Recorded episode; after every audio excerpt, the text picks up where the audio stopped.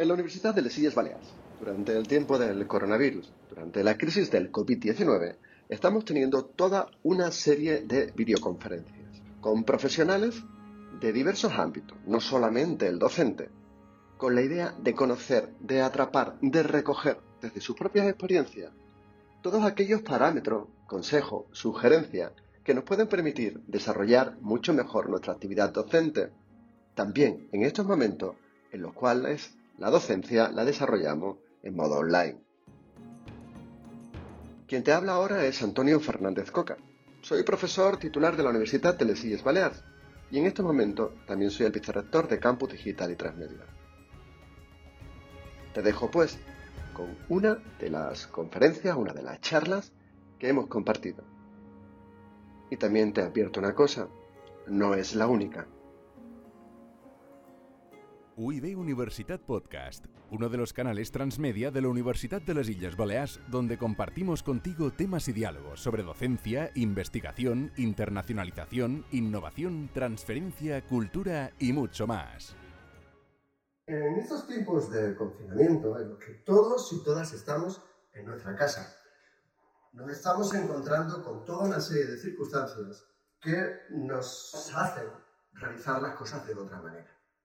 Una de ellas es cómo damos las clases. Los profesores y las profesoras universitarias hemos cambiado de paradigma en muy poco tiempo. Hemos pasado de esa clase presencial a una clase que ahora mismo es online. Si bien cada universidad nos está dando toda una serie de parámetros y de ayuda para poder realizarla lo mejor posible, hay un aspecto en el cual observamos que podemos tener una mayor cantidad de error. Se trata del uso de la videoconferencia. Para solucionar esa circunstancia, en la siguiente videoconferencia que vas a ver, nos hemos unido dos universidades. La Universidad Nacional de Educación a Distancia, la UNED, en su sección de las Illes Baleares, y la Universidad de las Illes Baleares.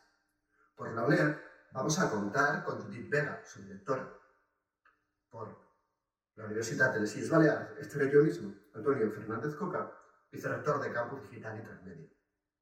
Tanto Judith como yo mismo somos profesionales de la comunicación y también entendemos bastante sobre lo que es el tema de videoconferencia, cómo estar delante de una cámara y cómo hacer que el estudiante se enganche a aquello que le estamos contando, atrapar su atención, atraparla desde el rigor que requiere cada una de las asignaturas que impartimos. Pero ni Judith ni yo tenemos la verdad eterna, ni tampoco conocemos todas las dinámicas y todas las formas de trabajar. Por eso queremos abrir este vídeo justo aquí abajo para que en nuestro canal de YouTube de la Universidad de Les Illes Baleares puedas comentar, puedas compartir, puedas exponer y puedas también contarlo tú cómo lo haces y cómo entre todos podemos mejorar esto, la videoconferencia docente. Y sin más, te dejo ya con Judith. Judith, es tu turno. Nada, muchísimas gracias. Es una idea que me encanta, que colaboremos y que podamos ayudar a los profesores porque eh, se acaban de encontrar de repente con una situación nueva, eh, tienen que dar clases online y no saben muy bien cómo. Entonces me ha ocurrido pues eso, que a lo mejor nuestra experiencia os puede valer. Yo soy la directora de la UNED en Illes Baleares, como has dicho, llevo 16 años trabajando en esta casa y es verdad que, bueno, eh, la pandemia nos pilla con un poquito de ventaja porque estamos más acostumbrados a hacer esto. Eh, no es una lección, va a ser más bien un diálogo y lo he estructurado en seis puntos que iremos desarrollando en forma de diálogo entre, entre tú, Antonio y yo. Y lo que quiero hacer con este curso o esta charla es generar confianza en nosotros mismos, porque si conseguimos crear seguridad eh, cuando estamos delante de una cámara sabiendo que no hay nadie del otro lado, pues es algo primordial para hacer la clase tranquilos y para que disfrutemos de ella. Podemos hacer un símil diciendo que es como los actores de teatro cuando tienen que ensayar una obra y no hay nadie, no tienen público, pero tienen que comportarse exactamente igual que si el teatro estuviera lleno. Para lograrlo hacen falta unas pautas que voy a empezar desde, desde cero, ¿no? Hay cosas que, bueno, esto yo ya lo sé, pero hay cosas que damos por obvias que no son obvias. Por ejemplo, cómo tenemos que vestirnos, como eh, yo, por ejemplo, tengo una costumbre que me estoy siempre colocando el pelo, juego y cosas que no se hacen cuando estás en clase o que uno no puede dar una clase en chándal si no está acostumbrado a ir a clases en chándal.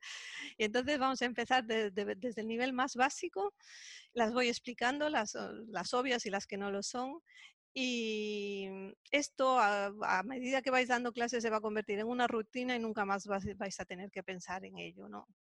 El punto, el punto uno, como veis, yo tengo de todo. Y lo primero que tenemos que escoger para dar una clase es el punto uno, dónde vamos a dar la clase. Veis que Antonio y yo hemos escogido los dos escenarios ideales diferentes. O bien ponemos libros y sacamos todos los cuadros que tenemos de la familia, la figurita de Santiago de Compostela, eh, todas esas la gitana, la, gitana, que en Andalucía tenemos gitana. todas estas cosas, ¿no? Y sobre todo fotos de nuestra familia que no tienen por qué salir en un vídeo.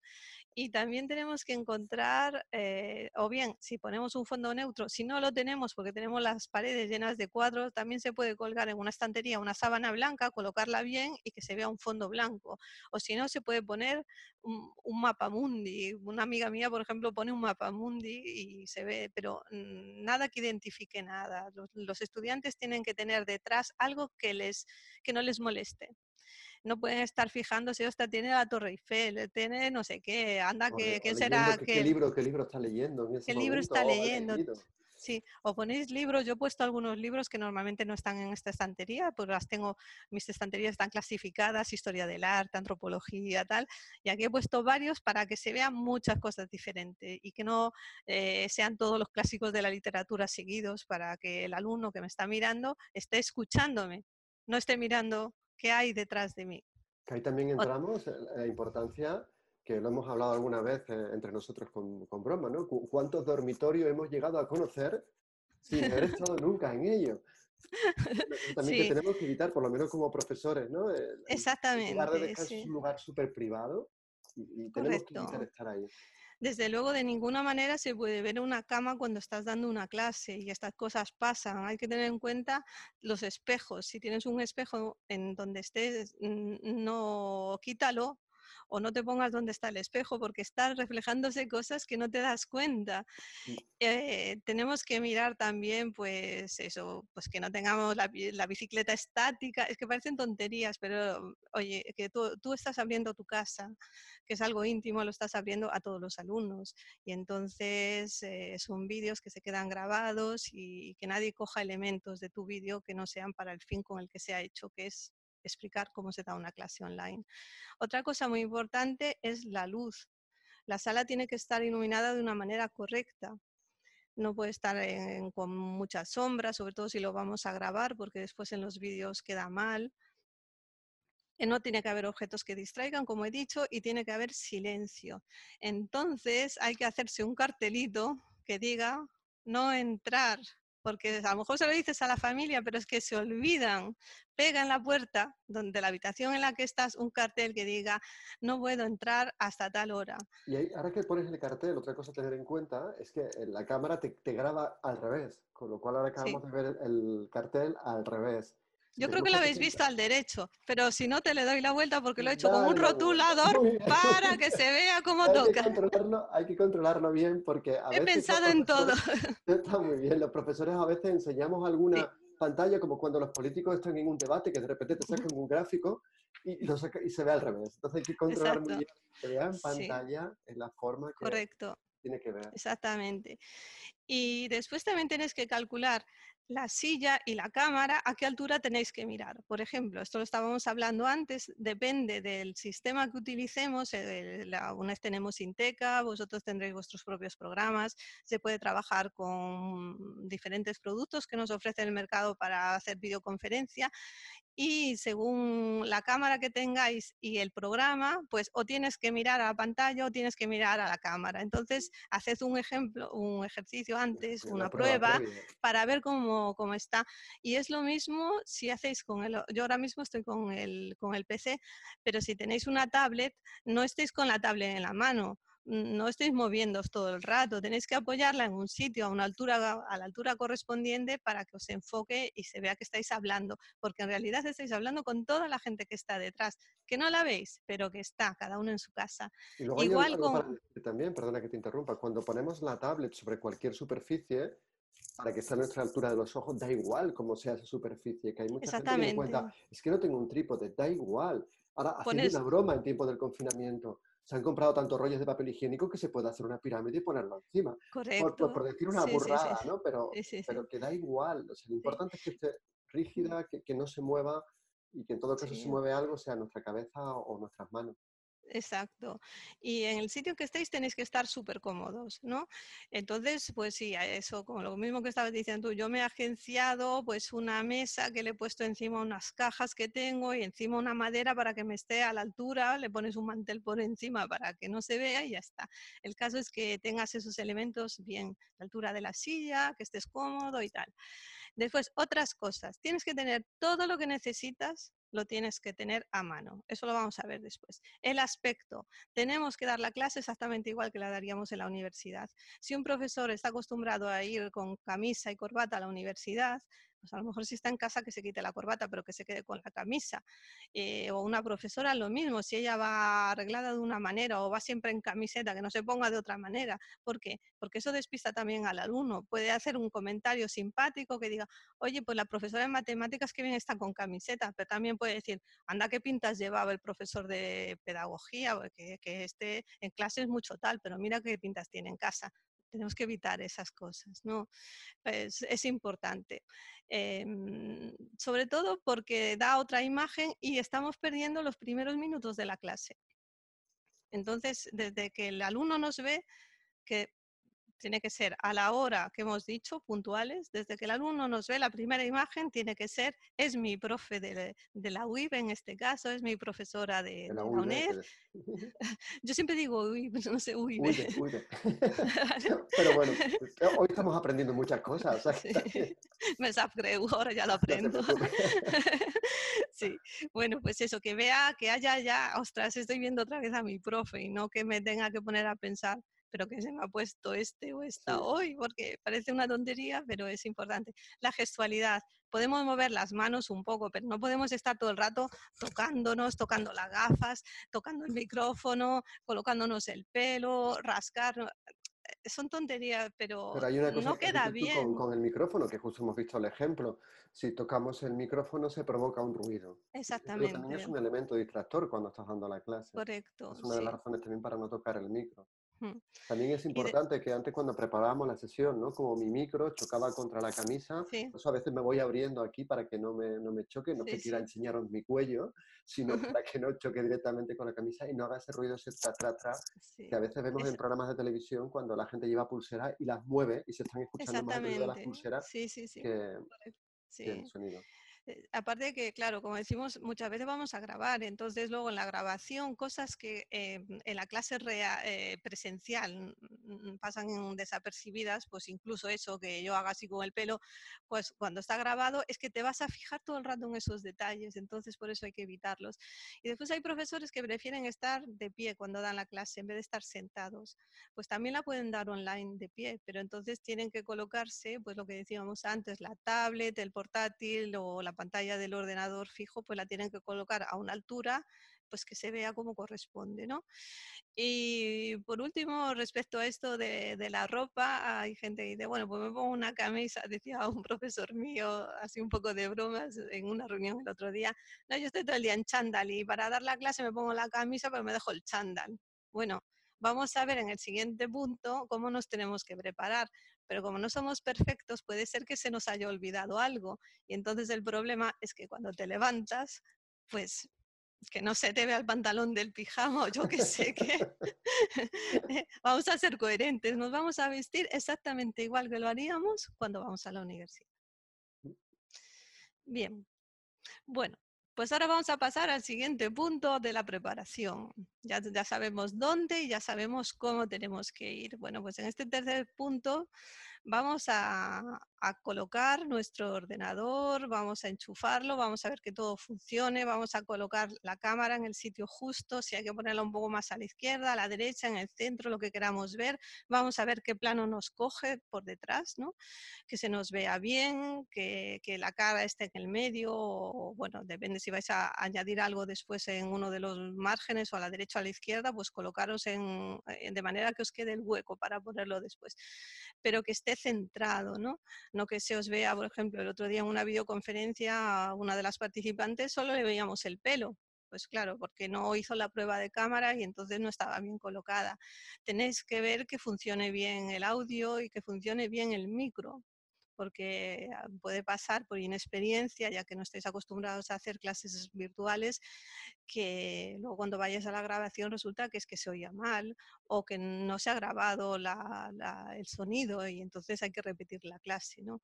Cosa que le puede pasar a cualquiera. Tenéis que tener, si vais a presentar documentos, depende con la herramienta que trabajéis, que luego hablaremos de esto, tenéis que tener todos los documentos subidos no se puede estar dando una clase y de repente decir, esperad que os voy a subir eh, una presentación, una foto, lo que sea, porque es que puede ser que no funcione o que haya un problema y entonces tienes a, los alumnos todos esperando al otro lado y no, le, no saben qué está pasando, ¿no? Entonces todo eso que vayamos a utilizar lo tenemos que tener. Tenemos que tener nuestros apuntes, pues unas notas que vosotros os hagáis, yo también me hago algunas, por si acaso se te olvida algo. Ya sé que cuando damos clases, por ejemplo, a mí si doy una clase sobre el, románico en el Camino de Santiago, puede estar hablando una eternidad sin llevar un apunte, porque es mi tema que domino, pero ¿qué pasa cuando doy una clase online? Que ya tienes más límites, eso de una manera diferente. Tienes que controlar mejor el tiempo, porque a lo mejor esa, eh, el aula virtual pues la va a utilizar otra persona después. Y si es una aula física, pues le haces un signo al otro dos minutos y se espera, pero en una virtual no. Entonces, hay otros condicionantes y, veremos más adelante que también se, el contenido tiene que ser otro. Entonces, conviene tener las notas y tenerlas con, con, uno cuando se sienta. Cuando se sienta tiene que tener todo.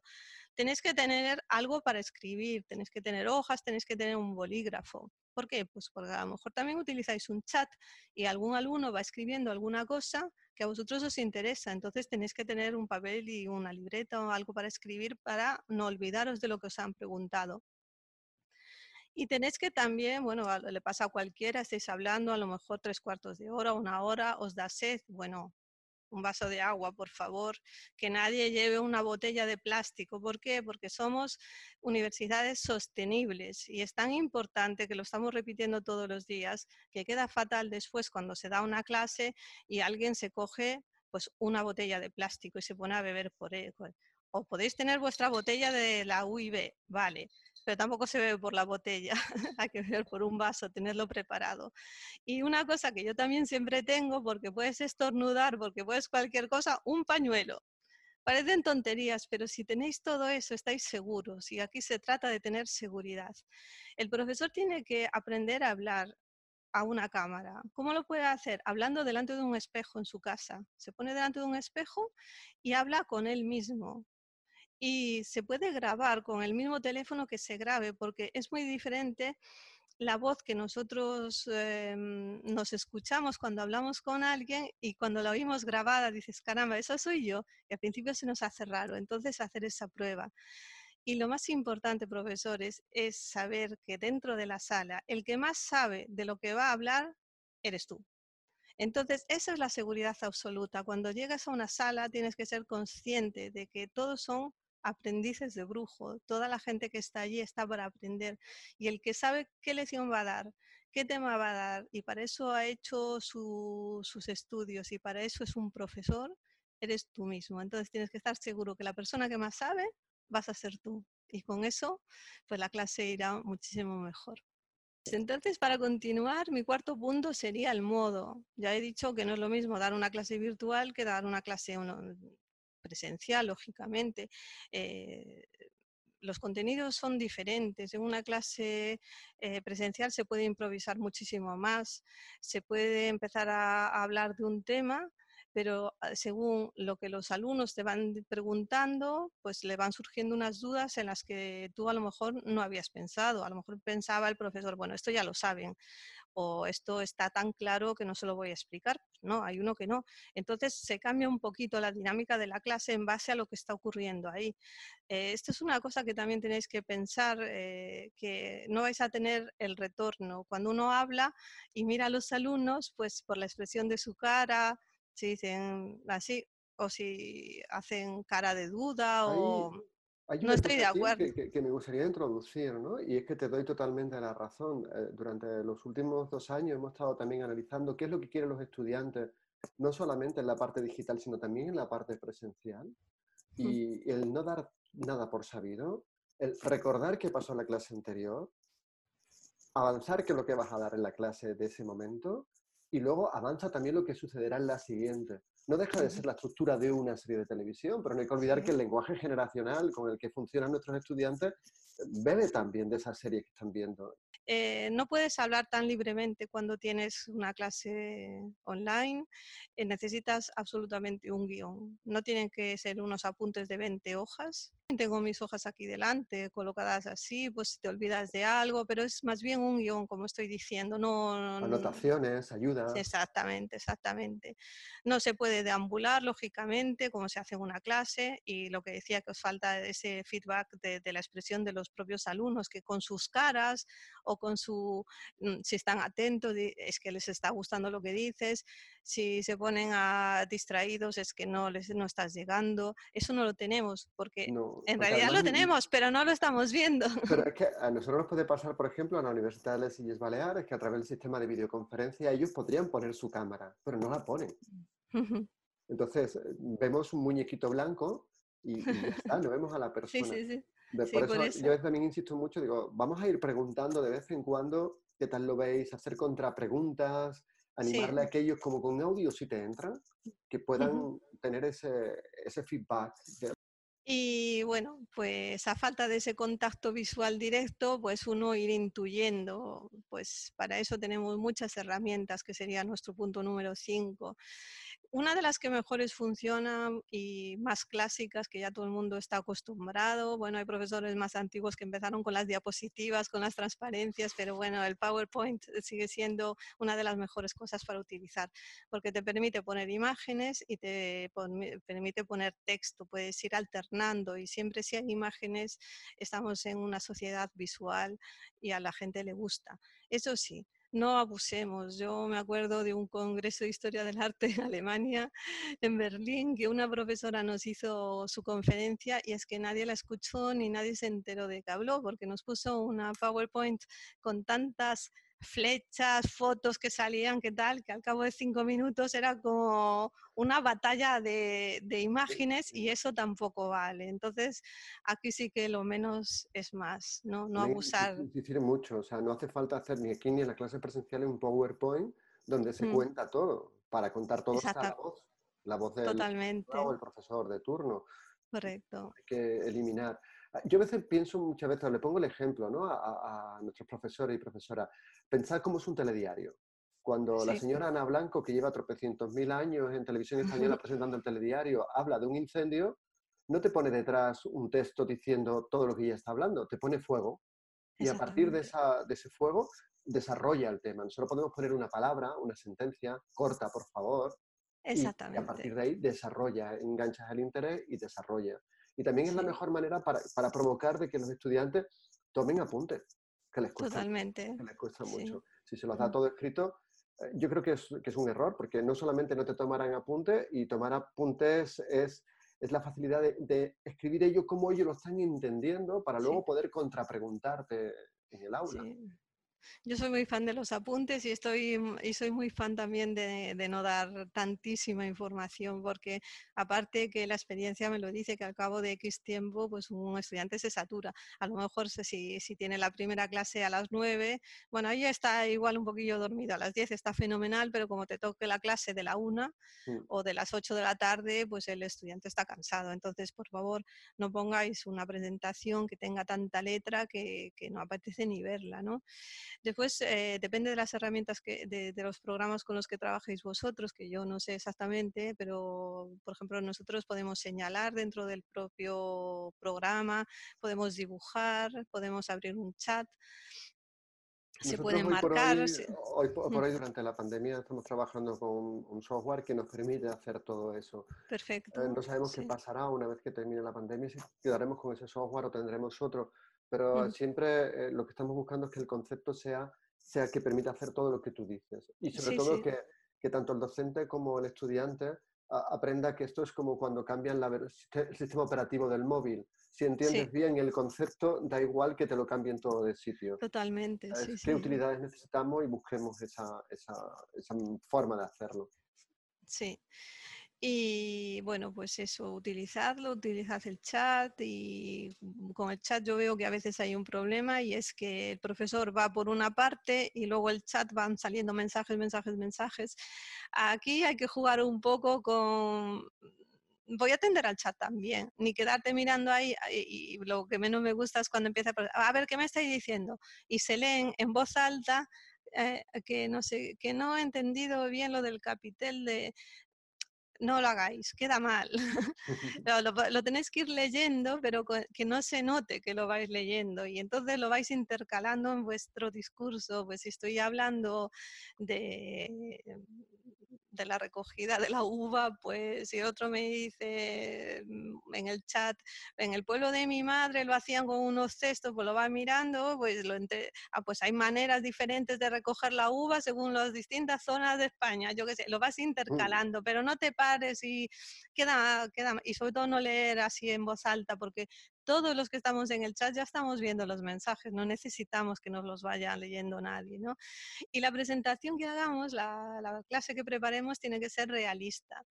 Por ejemplo, un curso, bueno, como yo voy atendiendo, eh, me voy metiendo, eh, como todo el mundo ahora en, en este periodo, pues yo soy una una ansiosa del saber, curiosa del saber, entonces son tantas horas que estamos que a veces te apetece, eh, trabajamos tantas horas que a veces también te apetece ver otra cosa más eh, relajante o pues un tema, yo que sé, me hice un, una masterclass class, eh, sobre coctelería, por ejemplo.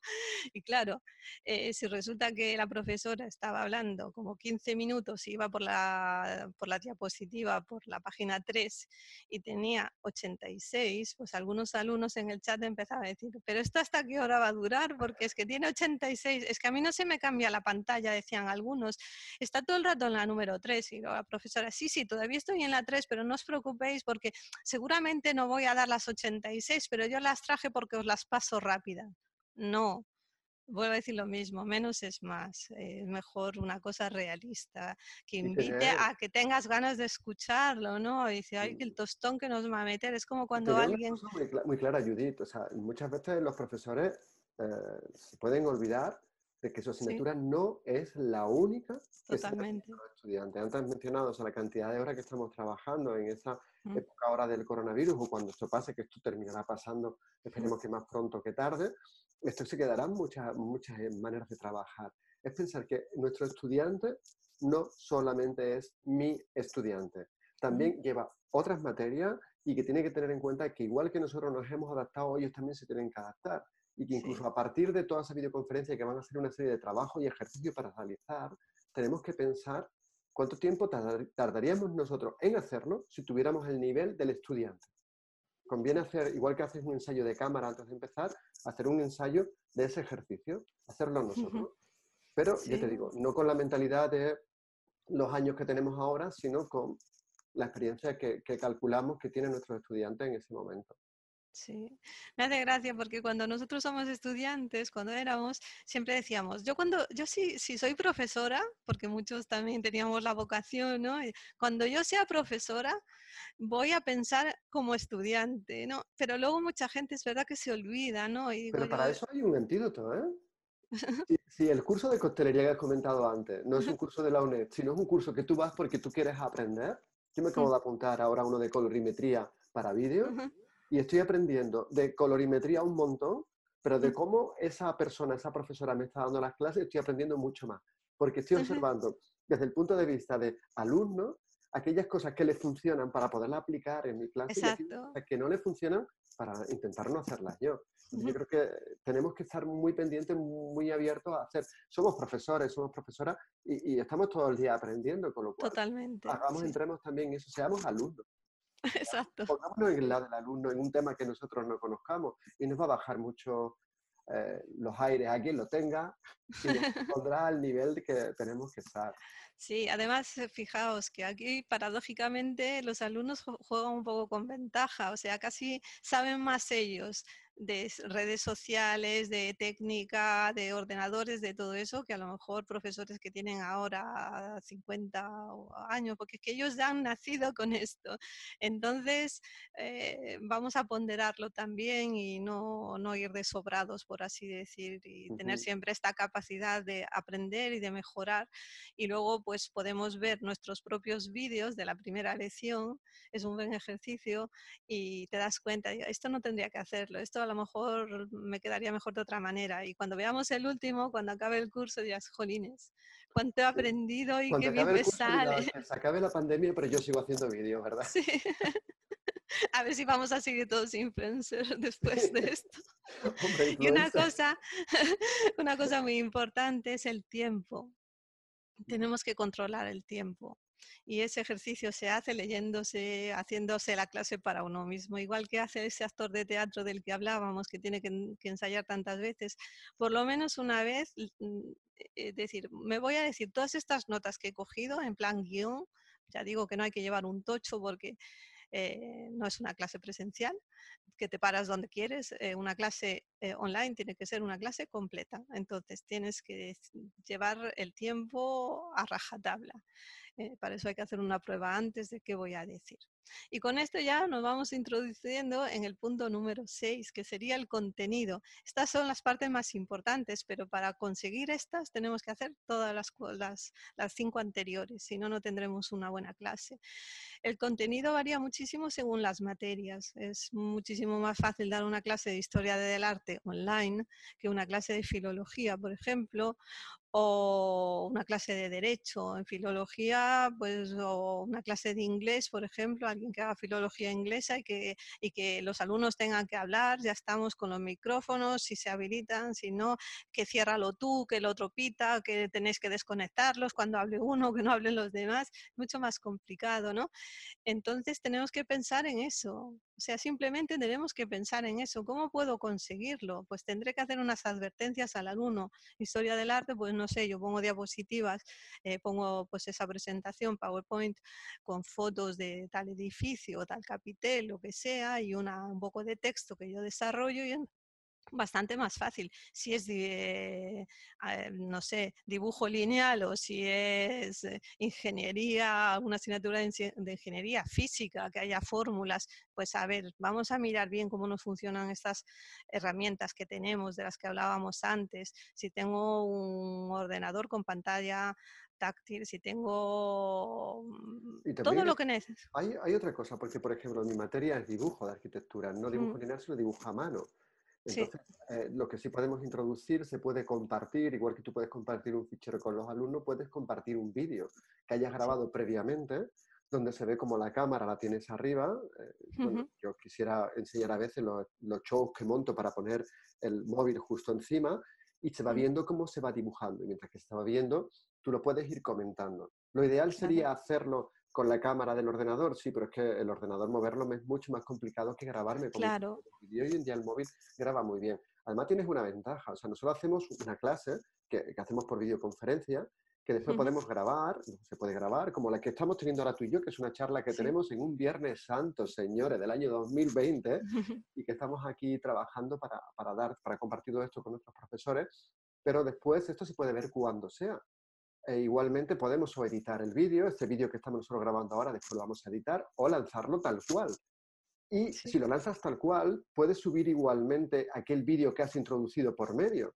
Claro. tienes más material para que el estudiante pueda tener cosas. Importante una cosa antes comentado con el tema del micro de la imagen. El estudiante tiene que estar de acuerdo, si sale su imagen, de que ese vídeo no se pueda compartir. Mucho ojo con la ley de protección de datos de la Comunidad Europea que se tiene que seguir a rajatabla. Y por eso a veces prefiero que no aparezcan porque después me supone editar y ponerlo borroso. Me es más trabajo, pero bueno, que hagan lo que quieran.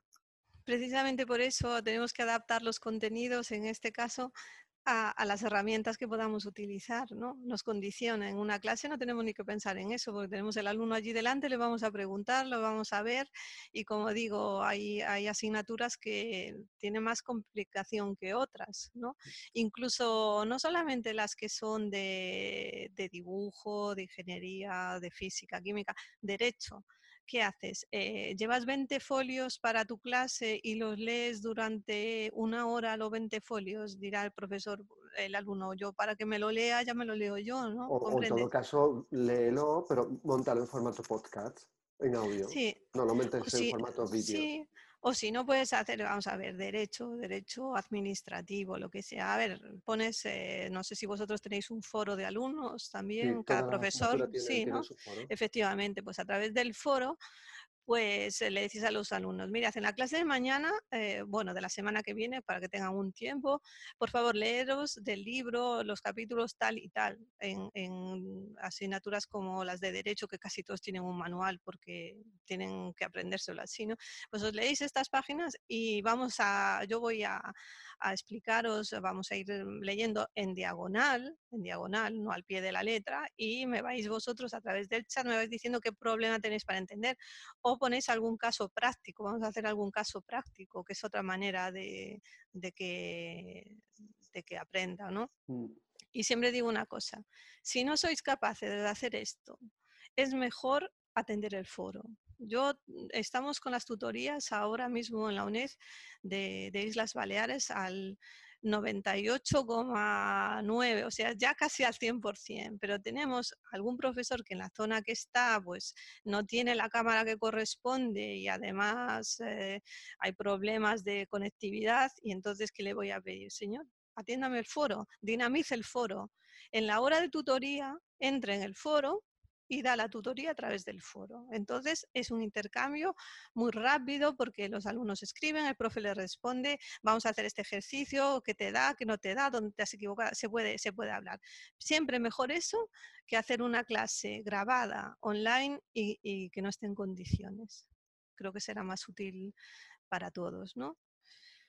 Y lo que diría es que los apuntes, los contenidos, ya hemos dicho que se tienen que adaptar al tiempo y a los recursos que tenemos. Si esto es lo que tenemos en casa, pues es como cuando tienes que hacer una receta y con lo que tienes en la nevera. Bueno, pues mira, no es lo que tú querías hacer, pero con lo que tienes te apañas y te puede salir una cosa bien, ¿no?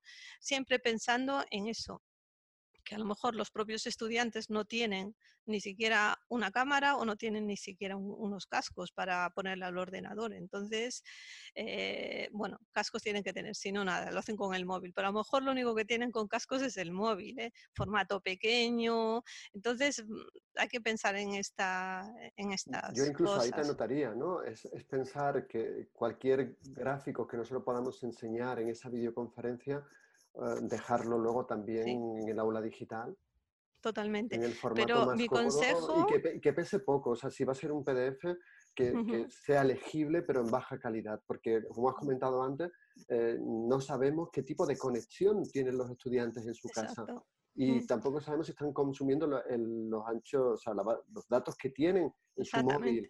Y tienen poquito, o sea, tienen poquito. Hay que pensar, antes has comentado una edad que yo ya la supero, los 50, y que a partir de una edad tienes, tienes una, una, economía que tú te puedes organizar. En cambio, ellos están dentro de una economía familiar Totalmente, que no conocemos de qué manera eh, podemos interactuar en ella y mejor respetar eso. O sea, Totalmente. Dar los materiales en una calidad buena, pero que pese poco. Sí, realmente esas dos cosas hay que respetar siempre. Uno, lo que ya comentaste y que también tengo apuntado, es la protección de, de datos, la ley que es muy severa en España. Y, claro, todo tiene que ser con el consentimiento. El profesor ya tiene que decir, quiere salir en imagen o no, y no se puede obligar a nadie a ponerse detrás de una cámara. Eso está clarísimo. Y bueno, y segundo, pues esto, esto que estábamos comentando, que tenemos que tener en cuenta las condiciones de los alumnos. Aquí se trata, yo siempre digo, a veces eh, digo, cuando llegué aquí me presenté, digo, espero que no se enfaden los profesores, pero eh, no se han enfadado lógicamente, pero yo les digo, el alma de la universidad son los estudiantes. puedes ser el mejor profesor, tú puedes tener el mejor equipo del mundo de profesores, pero si no tienes estudiantes, no es universidad. Sin embargo, pues puedes tener algún profesor un poco más malo, pero si el alumno vale y está, pues él será un buen profesor, un buen investigador, un buen científico, lo que tenga que ser. Entonces tenemos que pensar mucho en todas esas cosas que les están afectando, o que no tienen los medios, o que tienen que compartir el ordenador con su hermano o con su padre, se lo tienen que turnar en casa. Y luego otra cosa, otra cosa que insistimos muchísimo, perdona que te interrumpa, o sea, la importancia en función de que tiene que compartir a veces ordenador, y que a lo mejor la clase coincide con un teletrabajo del padre, que es el que trae el sustento económico, o la madre que trae el sustento mm. económico al hogar, que es muy importante que las clases las grabemos y se queden grabadas. No hace falta Que, que, la grabación sea pública, la podemos dejar solamente en el aula digital. Totalmente. No hay ningún problema. Antes has comentado sobre el tema de tu especialidad, sabes más que eso. Yo, aparte mm. de dibujo y comunicación, más. Entonces, no tenemos que tener ningún pudor como profesores que conocemos la herramienta o conocemos la materia en, dejarlo grabado. Pero si, si, es que no hemos formado para, para esas materias, no hay ninguna vergüenza ni ningún miedo, absolutamente nada. Sobre todo si has quitado las fotos de aquí detrás de la familia cuando hacemos la primera comunión. Sí, yo siempre pienso y siempre lo digo que el saber si no se comparte no sirve para nada. Así que tampoco tengo ningún problema en grabar y en contar para mi universidad, para la otra, para que, que me pida. estamos aquí, tú directora de, la UNED de Illes Baleares y nosotros de la Universidad de les Illes Baleares, en la, misma, la misma sigla, sí. una buena relación fantástica. Yo me alegro mucho. total diría que buen rollo, pero no sé si es correcto. No. En una clase no decíamos esa palabra, pero bueno, ahora estamos aprendiendo. Bueno, en una clase tenemos que decir lo que diríamos en nuestra clase y dentro de lo solemne que tiene que ser una lección magistral, que es lo que damos en una universidad, que es el, el templo del saber, una, un chascarrillo, una broma también se puede hacer y no pasa nada. Siempre si, si, se respetan las formas se puede hacer. Yo creo que el, último... rigor, tiene, el rigor tiene muchos niveles y muchas formas. Exactamente, sí. Incluso a lo mejor una broma a tiempo te sirve para como guiño a los estudiantes. sí, sí, antes, son tantas horas escuchando algo y, y hay gente que, que, a la hora de hablar realmente no nos vamos a engañar, es eternamente aburrida hasta en persona. Entonces, si medio mete algo que te despiste un poco, dirías, ¡ay! Te despierta, Y te engancha otra vez al discurso, lógicamente, sí. Y luego usar pues muchas metáforas, ¿no? Yo, también la, valoro mucho en, una, en, una, clase, como tenemos en videoconferencia, incluso en la, en la presencial, ¿no? Metáfora con nuestros estudiantes relacionada con lo del día a día que tienen, pero relacionado con la materia que les estoy contando ese día. Sí, para que conecten, porque realmente todo es un, está interconectado. Todo. Totalmente, sí. sí, y luego si tuviéramos la inmensa suerte de conocer bien, bien, o, mejor que bien, eh, las otras asignaturas de, de, ese, de, ese, curso, de ese grado determinado, y pudiéramos hacer alguna referencia de, mira, es que esto que te estoy enseñando no solamente lo ves, en mi caso, en dibujo, sino que además lo vas a ver en seguridad, dentro de un año, dentro de tal asignatura, y, y por eso te es útil aprenderlo. Yo para eso lo que les sugiero a los profesores, como todo, como todos tienen alcance, porque está en la, en la web, ¿no?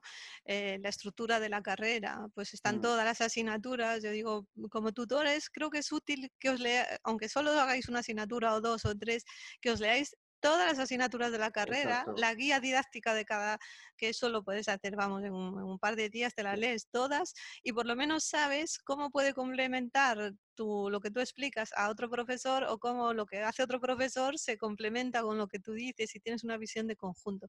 Creo que con el mm, plan de Boloña se ha perdido un poco. La, la carrera de antes de cinco años era un poco más estructurada en ese sentido y ahora es un poco más libre con tantas asignaturas para elegir cuatrimestrales y tal. Pero bueno, para un profesor conocerlo es interesante, sí. Bueno, pues el último, casi el último punto serían los recursos estos de los que estamos hablando, que bueno, tampoco vamos a estar diciendo eh, pues ni marcas ni nada, y todo el mundo sabe más o menos porque estamos de redes sociales estos días en la tele, pues están diciendo todo lo que hay, pero cosas que pueden dinamizar mucho la clase y que te pueden dar ese, ese feedback, este, este respuesta de los estudiantes que no los tienes delante, es hacerle, mientras das la clase, hacer una encuesta, preguntarles algo. Vas a hacer una encuesta rápida. Entonces le, ya tienes subido tu documento, porque ya hemos dicho que había que subirlo antes. Ahora os voy a abrir este documento, que es una encuesta, y me la vais a responder. Venga, tenéis tres minutos para responderla. Eso se puede hacer. O se puede hacer un test rápido simplemente, pues mira, aquí tenéis que escoger, venga, ponerme las opciones y en el chat a veces lo que corresponda. Una cosa que le está gustando mucho a los estudiantes y nosotros también estamos haciendo es esto que se llama Kahoot, que es, eh, te bajas la aplicación y dices, vamos a hacer un Kahoot ahora y lo metes y, a ellos les encanta porque mm, también tiene un poco lo de ganar y esto le gusta a todo el mundo. porque aparte ¿eh? es un poco, sí, entonces eh, les engancha porque no es responder a un simple test, dice, a ver, es que puedo ser el mejor y para eso tengo que sabérmelo y tengo que ser el más rápido también porque si eres más rápido tienes más puntos. Entonces le da un dinamismo a la clase de repente que mm, le gusta y el profesor se relaja un poco y al alumno le gusta también porque se, se, integra a través de la pantalla, de repente están juntos otra vez el profesor y el alumno. Y eso es muy una sensación muy interesante. De, de repente, pues, ¿no? es como es aún el acompañamiento que supone una, clase, una clase online, que, Totalmente, no solamente son esas lecciones magistrales estructuradas de otra manera, Bolonia nos pide hacer lecciones magistrales de otra manera, sino ese acompañamiento, ese que, que el alumno sienta de que, oye, no está solo, somos humanos y, que le esa escuchas. Necesidad de, esa necesidad de cercanía que en estos días no estamos teniendo, a través de esas herramientas podemos, podemos simularla y, y facilitar esa, esa emocionalidad hacia la asignatura. Sí. Y una recomendación que os hago es que no colgue, o sea, los, eh, los documentos vosotros los tenéis colgados, pero no permitáis el acceso al PowerPoint o lo que tengáis hasta que se termine la clase. Totalmente de acuerdo. Por favor, no te aplaudo porque va a sonar muy fuerte el micrófono. Totalmente de acuerdo. O sea, no, no. Hay gente que lo pone al principio y dice ya. Yo soy peor, ¿eh? Mm, cuando me preguntan, ¿vas a poner este PowerPoint que estás enseñando aquí? Y siempre digo, no. Después lo pongo. Pero, no, no, esto no es tomar nota. No, yo creo que es muy importante. El, tomar nota, sea a mano o sea con el ordenador, es muy importante para afianzar cosas dentro de, la mente, ¿no? Y no solamente eso, es que si se lo pones antes, tú estás con la diapositiva 2 y ellos ya te lo están abriendo en otra ventana y están mirando qué viene a continuación y no sé qué, no, te, no, no están siguiendo el hilo, ¿no? Y entonces eh, se lo dices a una vez y ya está. Esto lo doy al final, al final y ya está. Porque si no, ahora tienes que estar atentos. Y lo doy. lo doy. Pero vamos, que no lo tengan, que no lo tengan de repente. Y bueno, pues esto más o menos lo que, lo que os tenía preparado como siempre, cuando se empieza una clase se dice hola, buenos días, se saluda, no hay nadie, pero tú saludas igual porque están del otro lado. Y, hola alumnos, encantado de estar aquí hoy otra vez. Hoy vamos a hablar de este tema, lo que dijiste tú, como el capítulo de la serie. Eh, ¿Os recordáis? La, la última vez decíamos ayer como como dijo el sabio, ¿no? Pues decíamos ayer esto, esto, esto, y hoy vamos a tratar este tema, ¿no? Y después hay otra cosa también, yo cuando empiezo las clases, es verdad que, que, no los veo, tengo una lista al lado donde veo la gente que está, que está en ese momento en el aula, se puede ver en tiempo real, pero les pregunto, ¿me escucháis? Por favor, abrir el micro y decir aunque sea que sí, y si os da corte hablar a través del chat, decir que sí, que me estoy escuchando correctamente, que nadie se quede, pues como en estas pruebas que hemos hecho previamente tú y yo, donde había momentos que que yo te escuchaba por el teléfono, pero no por el ordenador o por, por el WhatsApp, y que preparábamos todo. ¿no? Es importante eh, ir preguntando de vez en cuando. Sí. Y, un consejo que también damos mucho es, eh, durante la clase, aunque tú estés dando tu discurso y te lo hayas montado, yo es que lo siento muchísimo, yo odio las lecciones magistrales, me aburren mucho, pero aunque lo hayas montado así, de vez en cuando para un poquito y pregunta, Mm, recula un poco hacia detrás, haz una contrapregunta y que te responden para saber sobre todo si te están siguiendo. Porque como bien decía Judith hace un, rato, en clase le vemos la cara. Le vemos hasta los bostezos. Y cuando las veces que miran al móvil, lo vemos todo. Es que desde, desde que ellos están sentados, nosotros estamos normalmente de pie, se ven muchas cosas hasta antiguamente se pasaba o nos pasábamos papelitos de, un de uno al otro para ligar. Ahora se mandan WhatsApp, es que no estás viendo, es que se ve todo.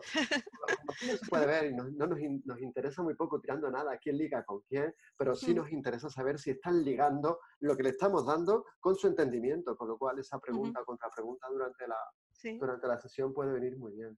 Pues es lo que decíamos antes, que en una presencial, pues tú tienes estructurado tu tema, hoy voy a hablar de esto y me preparo todo el sermón, pero después me pregunta un alumno y dice, anda, yo pensaba que esto ya lo sabías, pero no lo sabéis. Bueno, pues nada, vamos a explicar esto primero y luego ya continuaremos. Y si se acaba la clase, pues está lo mismo, la, la, virtual, pues cuando terminamos la clase también hay que despedirse y hay que decir, bueno, pues eh, hasta aquí hemos dado esta clase hoy, gracias a todos por estar tan atentos, em, me habéis hecho unas preguntas que, que, me ha agradado porque veo que estáis interesados. Algunas, algunas me las, me las eh, voy a volver a ver después en la grabación porque os daré la semana que viene.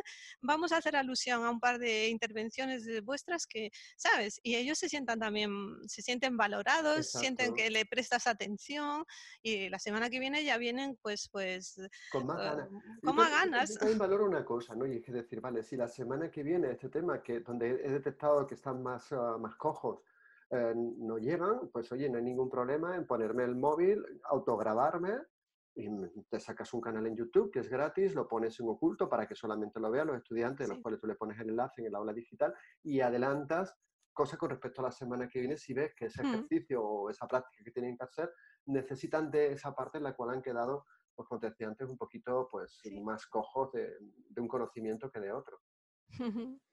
Y por último, pues nada, el tiempo, ya, ya os digo que todas estas aplicaciones que tenemos ahora, la mayoría que se están utilizando en casa, pues suelen tener un tiempo determinado, a lo mejor solo se puede hacer una hora o dos horas o 40 minutos o lo que sea, pues que lo tengáis en cuenta, porque lo que queda también un poco es como cuando hablas por teléfono y de repente se corta la línea, que te quedas ahí como con la palabra en la boca, pues estar en una clase y que no te dé tiempo de, despedirte de los alumnos también queda un poco mal. Entonces, mejor empezar antes. Bueno, pues estamos llegando ya hasta el final de la clase. Estoy viendo que cómo aprovecháis el tiempo, cómo me preguntáis a través del chat. Os noto que estáis aquí entusiasmados, bueno, interesados en el tema y, mejor que vayas despidiéndote y luego puedes decir tres palabras a que se corte sin haberte despedido de, los alumnos, ¿no? como un respeto hacia ellos, yo creo. Tomándote la palabra y por respeto a la gente que nos está viendo, estamos utilizando una herramienta que nos permite estar 40 minutos y nos estamos aproximando a los 40 minutos. Así que podemos ir diciéndole eh, un placer antes de que se nos corte de, raíz. No sé si nos queda algo en el, en el, tintero o si repite, porque una de las cosas buenas que tiene esta, esta crisis es no solamente ir conociendo vecinos que ni sabíamos que teníamos, sino conocer online a gente como Judith, que lleva aquí unos meses y todavía no había tenido la inmensa suerte de, coincidir con ella. Gracias. Pues nada, yo solamente terminar diciéndoos que pienso que hasta una pandemia puede ser una oportunidad, una, oportunidad, para descubrirnos, eh, ver los solidarios que somos. Yo, yo hago hasta mascarillas y digo, mira, sábanas puedo comprar cuando esto termine, pero la vida no. Entonces, eh, si mi saber os ha, os ha servido para, para, ayuda, si esto sirve para eh, mostrar esta colaboración que tenemos entre las dos universidades que, tenemos que hacerlas fuertes porque en Baleares se estudia mucho, se estudia en la universidad, se investiga muchísimo y muy bien, muy bien. Eh, pues eh, que la pandemia nos, nos, abra los ojos un poco para saber qué tenemos en estas islas, qué profesionales. Es un, ganamos todos, porque piensa que de los que salen aquí bien formados son nuestros estudiantes, nuestros y nuestras estudiantes y, que son los que realmente sustentan la sociedad, no solamente la sociedad balear, sino también la sociedad del país, de Europa, del mundo, de absolutamente todo. Y que la gente que nos va a terminar buscando una solución a la pandemia ha estudiado en alguna universidad y, bueno, son cosas que vienen, vienen para todos, ¿no? Es un ganamos todos. Yo, como parte de la Universidad de las Baleares, encantadísimo de la relación con, con la UNED y Balear y con la UNED Nacional y sobre todo darte no mil gracias, muchas más que miles para, eso de aquí. No sé cómo se diría en, gallego. Eh, muchísimas gracias. Muchas gracias. Muchas gracias. En andaluz, muchas gracias. Y en mallorquín, muchas gracias. Pues a vuestra disposición eh, para lo que podamos ayudar, aquí estamos. Y tú, profesor, recuerda que eres el que más sabe de lo que vas a estudiar, entonces entra en esa clase tan seguro como entras en la de la UIB, que todo va a salir bien. Muchísimas gracias y muchísimas gracias por haber dicho UIB al final y no Nos vemos en un próximo vídeo seguramente, ¿no? Porque aquí seguimos aprendiendo y seguimos viendo cosas. Colgaremos este vídeo en, YouTube, lo haremos público, abajo podéis hacer toda una serie de preguntas, iremos mirándola y, oye, lo mismo surgen más vídeos o lo mismo podemos hacer otras cosas. Muchísimas gracias. Gracias. Y que esto termine pronto, pero como decía Judith, con la mentalidad que nos sirva para cambiarla a todo, para ir a mejor. UIB Universitat Podcast, uno de los canales transmedia de la Universidad de las Islas Baleares, donde compartimos contigo temas y diálogos sobre docencia, investigación, internacionalización, innovación, transferencia, cultura y mucho más.